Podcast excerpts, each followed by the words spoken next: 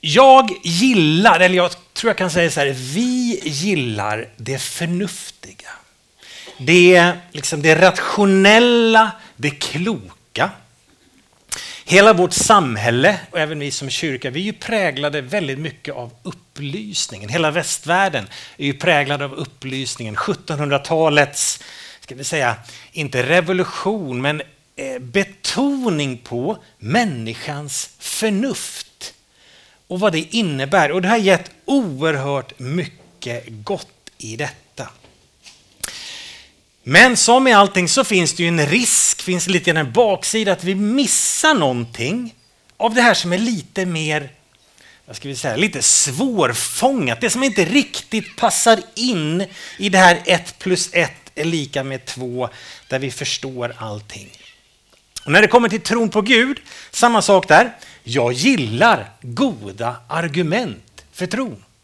Jag gillar apologetiken, det här som handlar om trons försvar, där vi kan eh, resonera oss fram faktiskt till att det är väldigt klokt och förståndigt och logiskt att tro på Gud. Att Bibeln är en jätteklok och förståndig bok. Och det finns så mycket argument för att tro på Jesus. Tron är logisk. Absolut. Eh, och här, kära vän, här finns det jättemycket att läsa och ta till sig. Människor som har både läst mer och är klokare än både dig och mig tillsammans. Som liksom sätter ihop det här och vi kan ta åt oss och det lägger liksom pusselbitar på plats. Och tron har jättemycket att göra med ditt sinne och din kunskap. Det behöver inte vara ett glapp mellan hjärta och hjärna utan tron är väldigt förståbar också. Men så finns det ju en del som blir lite svårare. Och det är det här med gudsmötet. Guds erfarenheten, det här närheten, det intima, nästan det mystiska kan man säga. För att du kan ju säga så här. De flesta av er skulle kunna säga så här. Jag har mött Gud. Finns det någon här inne som kan säga jag har mött Gud? Ah, hur, hur ser det ut? Förklara det om du kan. Hur, hur var det? Hur upplevde du det? Ja, men du vet, det var som här inne. Jag har hört Gud tala. Hur då? Ja, men du vet, man liksom... Jag har inte hört med mina öron, men jag har ju hört Gud tala liksom här inne.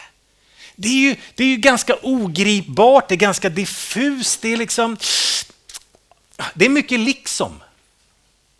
Mose, står om honom i Hebreerbrevet 11, att han liksom såg den osynlige. Jag älskar det ordet. Jag har aldrig haft en syn av Gud. Men jag liksom ser honom. Och när du ber, inte tänker du på rymden då? Eller molnen? Nej, utan när du ber när vi lovsjunger, så vad då? Vi liksom ser. Du vänder ju blicken till någon, eller hur? Det är lite sådär, men det är ju, men Jesus, jag vänder ju blicken, bönen, lovsången till dig. Men det är lite svårt att sätta ord på och förklara. Det kanske är, jag har mött Gud som är det bästa. Psalm 34 står det så här. Smaka och se att Herren är god. Och det är ju någonting av det här som fångar, man tänker så här, hur smakar en glass? Någon som har käkat glass i sommar? Är det någon som har käkat för mycket glass i sommar? Nej, det kan man inte. Vad är glass? Ja, men det, ja, men det är kallt. Ja, men det är mycket som är kallt. Ja, men så är det ju och så är det sött. Ja, men det är mycket som är sött.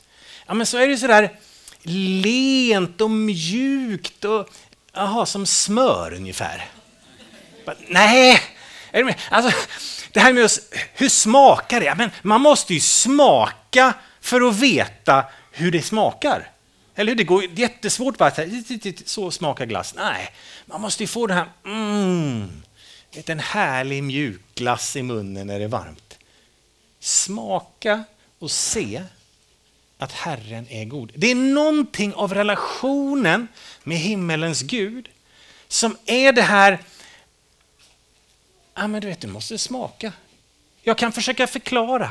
Jag kan sätta 1 plus 1 är lika med 2. Sannolikhet för att ja, men det borde finnas en Gud och om Gud finns så är det så här och, och Bibelns trovärdighet och bara den, den, den, den, den. Men inte förrän vi smakar.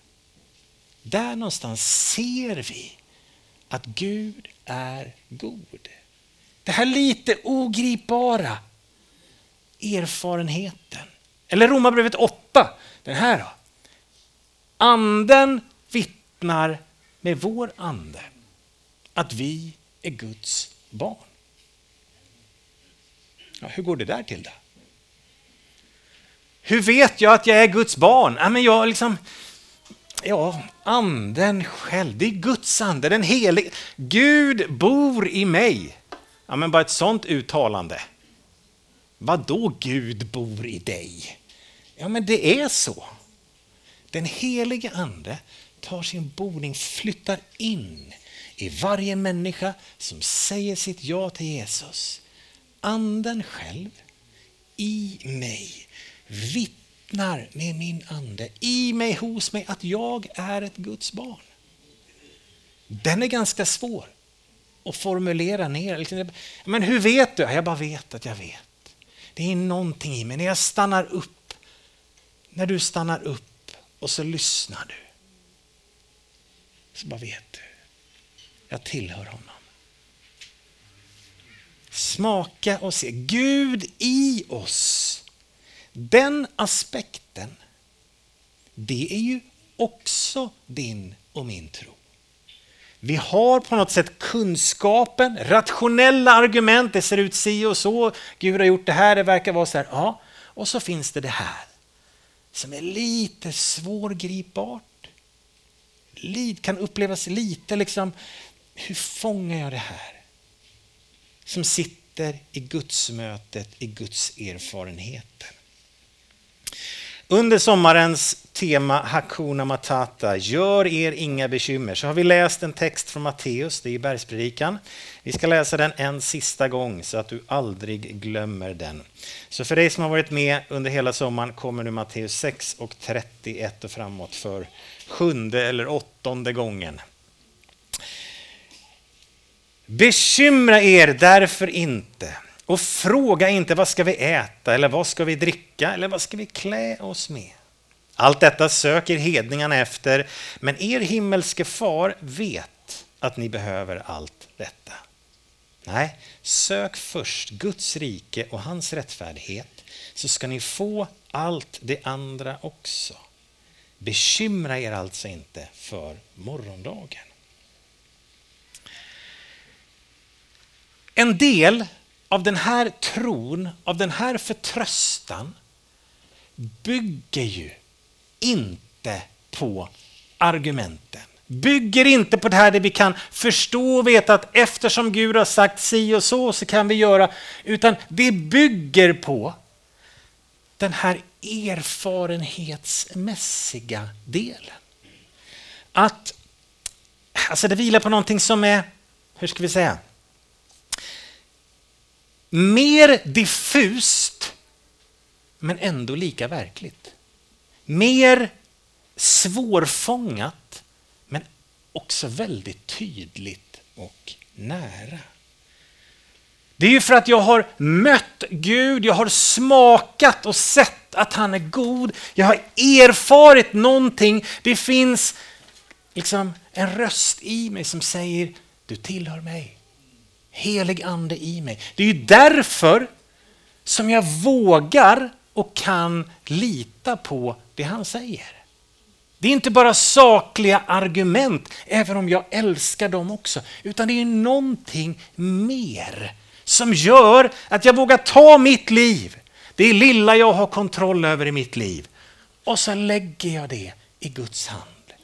För det är någonting här som har berört. Jag har hört något, jag har erfarit något som gör att jag vågar lägga mitt liv i hans hand. Och jag förstår att han kommer ta hand om mig. Jag har mött Gud, jag känner honom. Därför, ytterst sett, är det det som gör att jag vågar lita på. Och jag tror att vi gång på gång behöver påminnas om att tron primärt, det är inte liksom kunskap, åsikter, värderingar. Även om våra åsikter och värderingar påverkas av tron, absolut. Utan tron på Jesus, det är gemenskap med honom.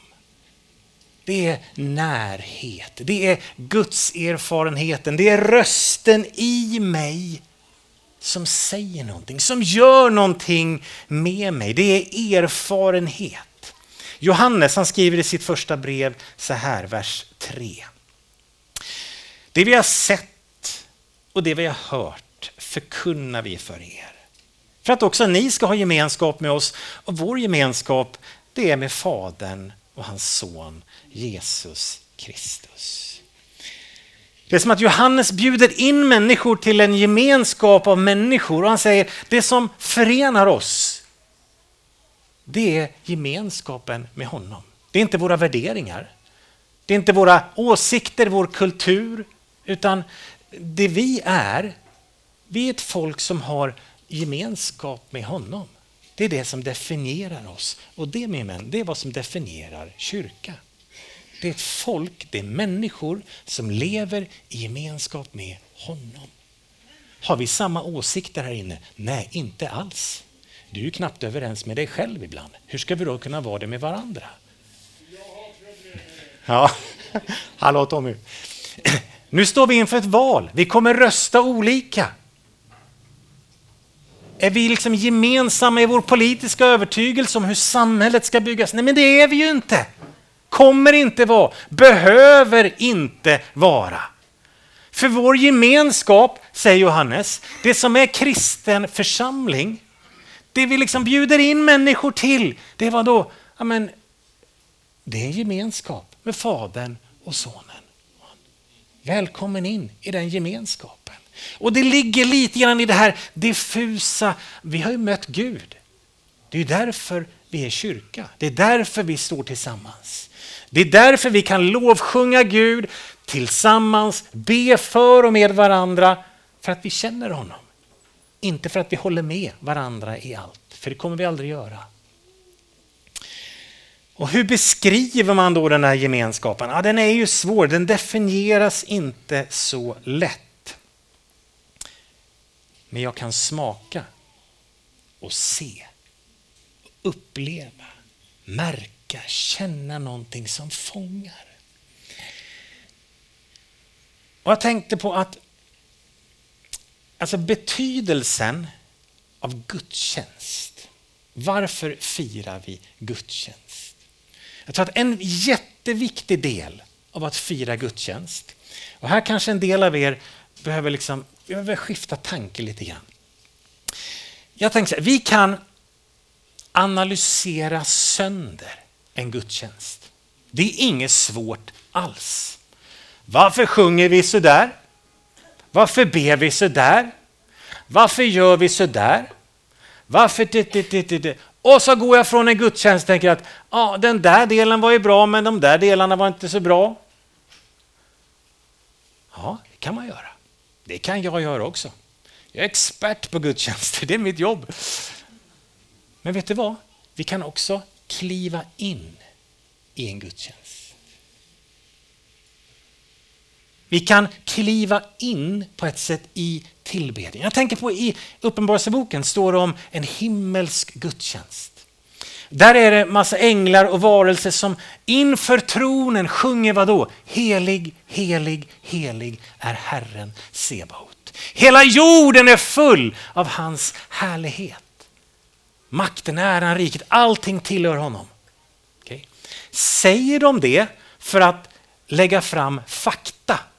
Nu, alla ni som lyssnar, nu ska ni få veta att Herren, han är helig. Ja, det hade räckt att säga en gång.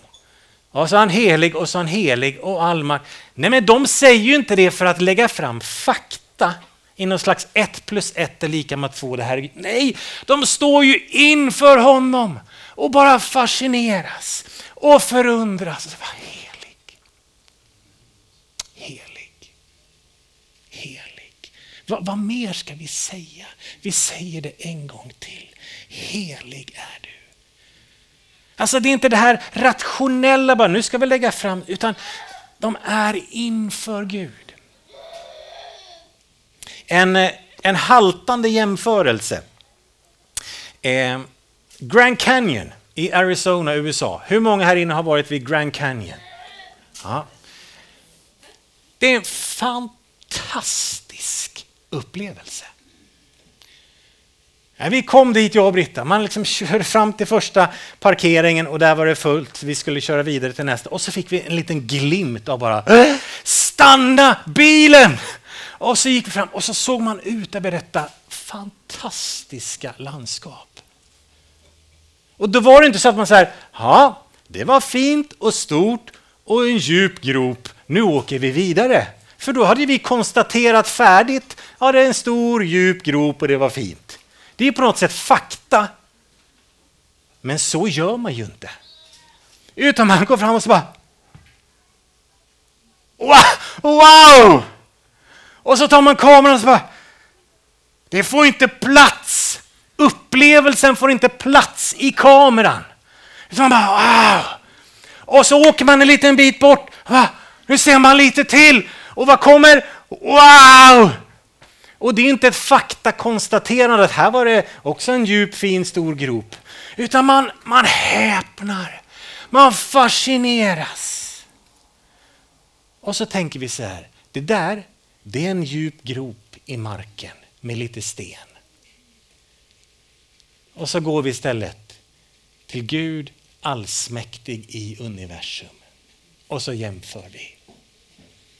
Då kan vi antingen kliva fram och säga att wow, Gud var stor och fin och bra. Tack, nu går vi vidare. Eller så kliver vi fram och så säger vi wow, Gud, fantastiskt vi tar ett steg till och så ser vi någonting mer och så säger vi igen wow. Och till slut står vi där som änglarna och säger helig, helig, helig är Herren Sebaot. Plötsligt händer det. Att kliva in i gudstjänsten min vän, det är att när vi sjunger en sång så tänker jag så här, varför står det så här? Varför säger vi så här? Varför bad han så här? Varför gör vi så här? Det kan vi göra ibland och jag menar inte att det kvittar. Vi ska vara lite noga med våra texter. Vi ska tänka på hur vi formulerar, absolut. Men min vän, du kan gå härifrån och ha analyserat varenda sångtext och inte fått med dig Herren i hjärtat alls. Eller så kan du kliva in på ett sätt i lovsången. Gud, nu beundrar vi dig. Och just nu sätter vi de här orden på sången, men på det hela taget så spelar det inte jättestor roll vad vi sjunger. Utan vi bara beundrar. Jag är bara tacksam. Eh. Saltaren säger en dag i dina gårdar är bättre än tusen andra. Det finns någonting av det här bara jag vill vara hos dig, jag fascineras av dig.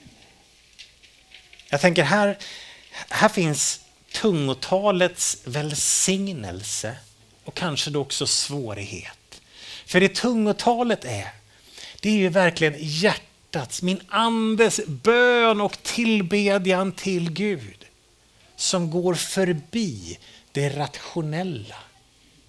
Utan mitt hjärta talar. Det är lite grann att kliva in i. Jag är inför dig Gud. Och det spelar inte så stor roll faktiskt vilka ord jag säger. Och har jag fått ord ifrån dig så vill jag använda. Så var inte rädd för det min vän, utan tala ut de ord som anden ger dig. Låt liksom bönespråket få porla till himmelen. Varför? För det handlar inte om allt jag kan tänka ut och förstå, utan det handlar lite grann om att stå vid kanten på denna Grand Canyon som heter Gud allsmäktig och så säga Wow, helig, helig, helig är du Gud. Psalm 27. Ett har jag begärt av Herren, detta söker jag, att få bo i Herrens hus i alla mina livsdagar. För att vadå? För att se Herrens ljuvlighet och söka honom i hans tempel. Eller psalm 90. Herre vår Gud, låt oss känna din ljuvlighet. Eller låt oss känna din skönhet, din favör. Att fira gudstjänst tillsammans, att lovsjunga Gud. Det är någonstans att börja försöka liksom kliva in här. Gud, vi vänder oss till dig. Öppna mitt hjärta. Låt oss få smaka och se att du är god. Att Guds skönhet, Guds ljuvlighet. Hur förklarar man det? Ja, men det går ju inte riktigt, utan det är någonting som vi som landar här. Men det är ju lika verkligt, det är lika påtagligt. Och grejen är ju, tänker jag, att det är ju i den här närheten, i Guds ljuvlighet, när jag får se honom, står på ett sätt inför honom, där får sakerna jag möter andra perspektiv. Om vi pratar om en bekymmerslöshet, att inte göra sig bekymmer utifrån texten i Matteus. Mina bekymmer krymper när Gud blir större.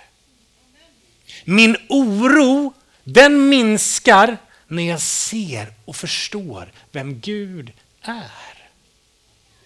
Så det här har allt i världen med att göra, liksom, att göra med bekymmer och oro när jag får se honom. För när jag möter Gud, då på något sätt, ja, men allt blir möjligt. Vad kan inte förvandlas? Oron minskar när Gud uppfyller mitt inre. Och sen finns det någonting av den här gemenskapen, närheten, som inte bara är en upplevelse här och nu. Utan det här är någonting som vadå? fortsätter in i evigheten. Vet, himmelen det är vårt starkaste kort, tänker jag. Hoppet om himmelen, det, det är vårt starkaste kort. Det finns ju lite grann det här att ja, men vet, det är viktigt att leva i nuet. Ja, det är så viktigt att leva i nuet. Ja, och det ska vi göra. Och grejen är ju att vissheten om himmelen, det ritar om mitt nu. Vissheten om evigheten med Gud ritar om mitt nu. För jag vet vart jag är på väg någonstans. Jag vet vem som väntar på mig. Vissheten om målet ger riktning idag. Vissheten om evigheten ger rätt perspektiv på det jag möter. Alltså vad idag får vara riktigt, riktigt viktigt det spelar roll liksom, för att jag har en evighet som väntar. Det finns en himmel, det finns en Gud som älskar. Det påverkar mitt nu. Så ska vi leva i nuet, absolut! Men grejen är att för att det finns en himmel så ritar det om mitt nu. Och även där talar in i min oro, i mina bekymmer. För som kristna så lever vi med framtiden i ryggen. Det är liksom det som väntar, som skjuter på och bär framåt. Om vi avslutar hela den här sommarserien Hakuna Matata så ska vi göra det med ett ord ifrån Jesus som kopplar just det här bekymren, oro, det du och jag möter, kopplar Jesus med evigheten. Från Johannes 14, vers 1 och framåt. Låt inte era hjärtan oroas. Tro på Gud och tro på mig. I min fars hus finns många rum. Om det inte vore så skulle jag då sagt er att jag går bort för att bereda plats för er. Och om jag nu går bort och bereder plats för er så ska jag komma tillbaka och hämta er till mig för att ni ska vara där jag är. Och vart jag går, det vet ni, den vägen känner ni. Jesus säger liksom inte bara Amen, ta i nu och sluta oroa dig. Utan han ger oss ett istället. Jörgen, istället för att oroa dig, tro på mig. Lita på mig. Jag bär dig. Jag har till och med liksom förberett in i evigheten. Det finns en plats som väntar på dig. Det är klart att jag kommer vara med dig hela vägen. Därför, låt inte oron ta plats. Det är inte att jag kämpar mot oron, utan jag väljer någonting annat istället. Jag fokuserar på tron på honom, på vem han är, vad han har gjort, hur han möter mig. Jag lutar mig liksom in mot honom, lyssnar till honom. Och då händer någonting med min oro. Låt inte era hjärtan oroas. Gud är nära dig. Ja, Tommy, du får vänta lite, vi tar det sen efteråt. Ja. Gud är nära. Gud vill bära nu, idag och hela vägen in. Så låt inte de här bekymren ta plats. Gud har liksom framtiden i sin hand. Vad vet vi om morgondagen? Ingenting. Förutom en sak. Jesus finns i din morgondag. Det vet jag. Om din morgondag är här eller i himmelen, det vet jag inte. Men oavsett vart den är någonstans så är Jesus där. Det är det enda vi kan veta. Han finns med. In i en höst med allt vad det innebär som vi inte känner till. Gud är nära. Gud är med. Tro på honom. Det handlar inte bara om vad du och jag klarar av och kan och vet, utan vi får leva liksom, smaka och se. Gud är god. Det finns någonting av det här, ibland lite svårfångade, som är så starkt, som är så tydligt, som är så nära. Och för att uppmuntra dig framöver, kliv in i bön och lovsång. Lite grann det här att men jag behöver inte analysera allting, utan det finns någonting av att liksom, men nu, jag går fram till kanten av denna Grand Canyon. Jag går fram på något sätt till Gud och bara beundrar. Så tänker jag på änglarna. Varelserna i himmelen som dag och natt sjunger helig, helig, helig. Det är inte bara ett faktakonstaterande utan det är bara deras erfarenhet av vem Gud är. Där händer det någonting med dig och mig i dig och mig. Gud blir stor, Gud tar plats och faktiskt vår oro och våra bekymmer de krymper lite grann och får andra perspektiv.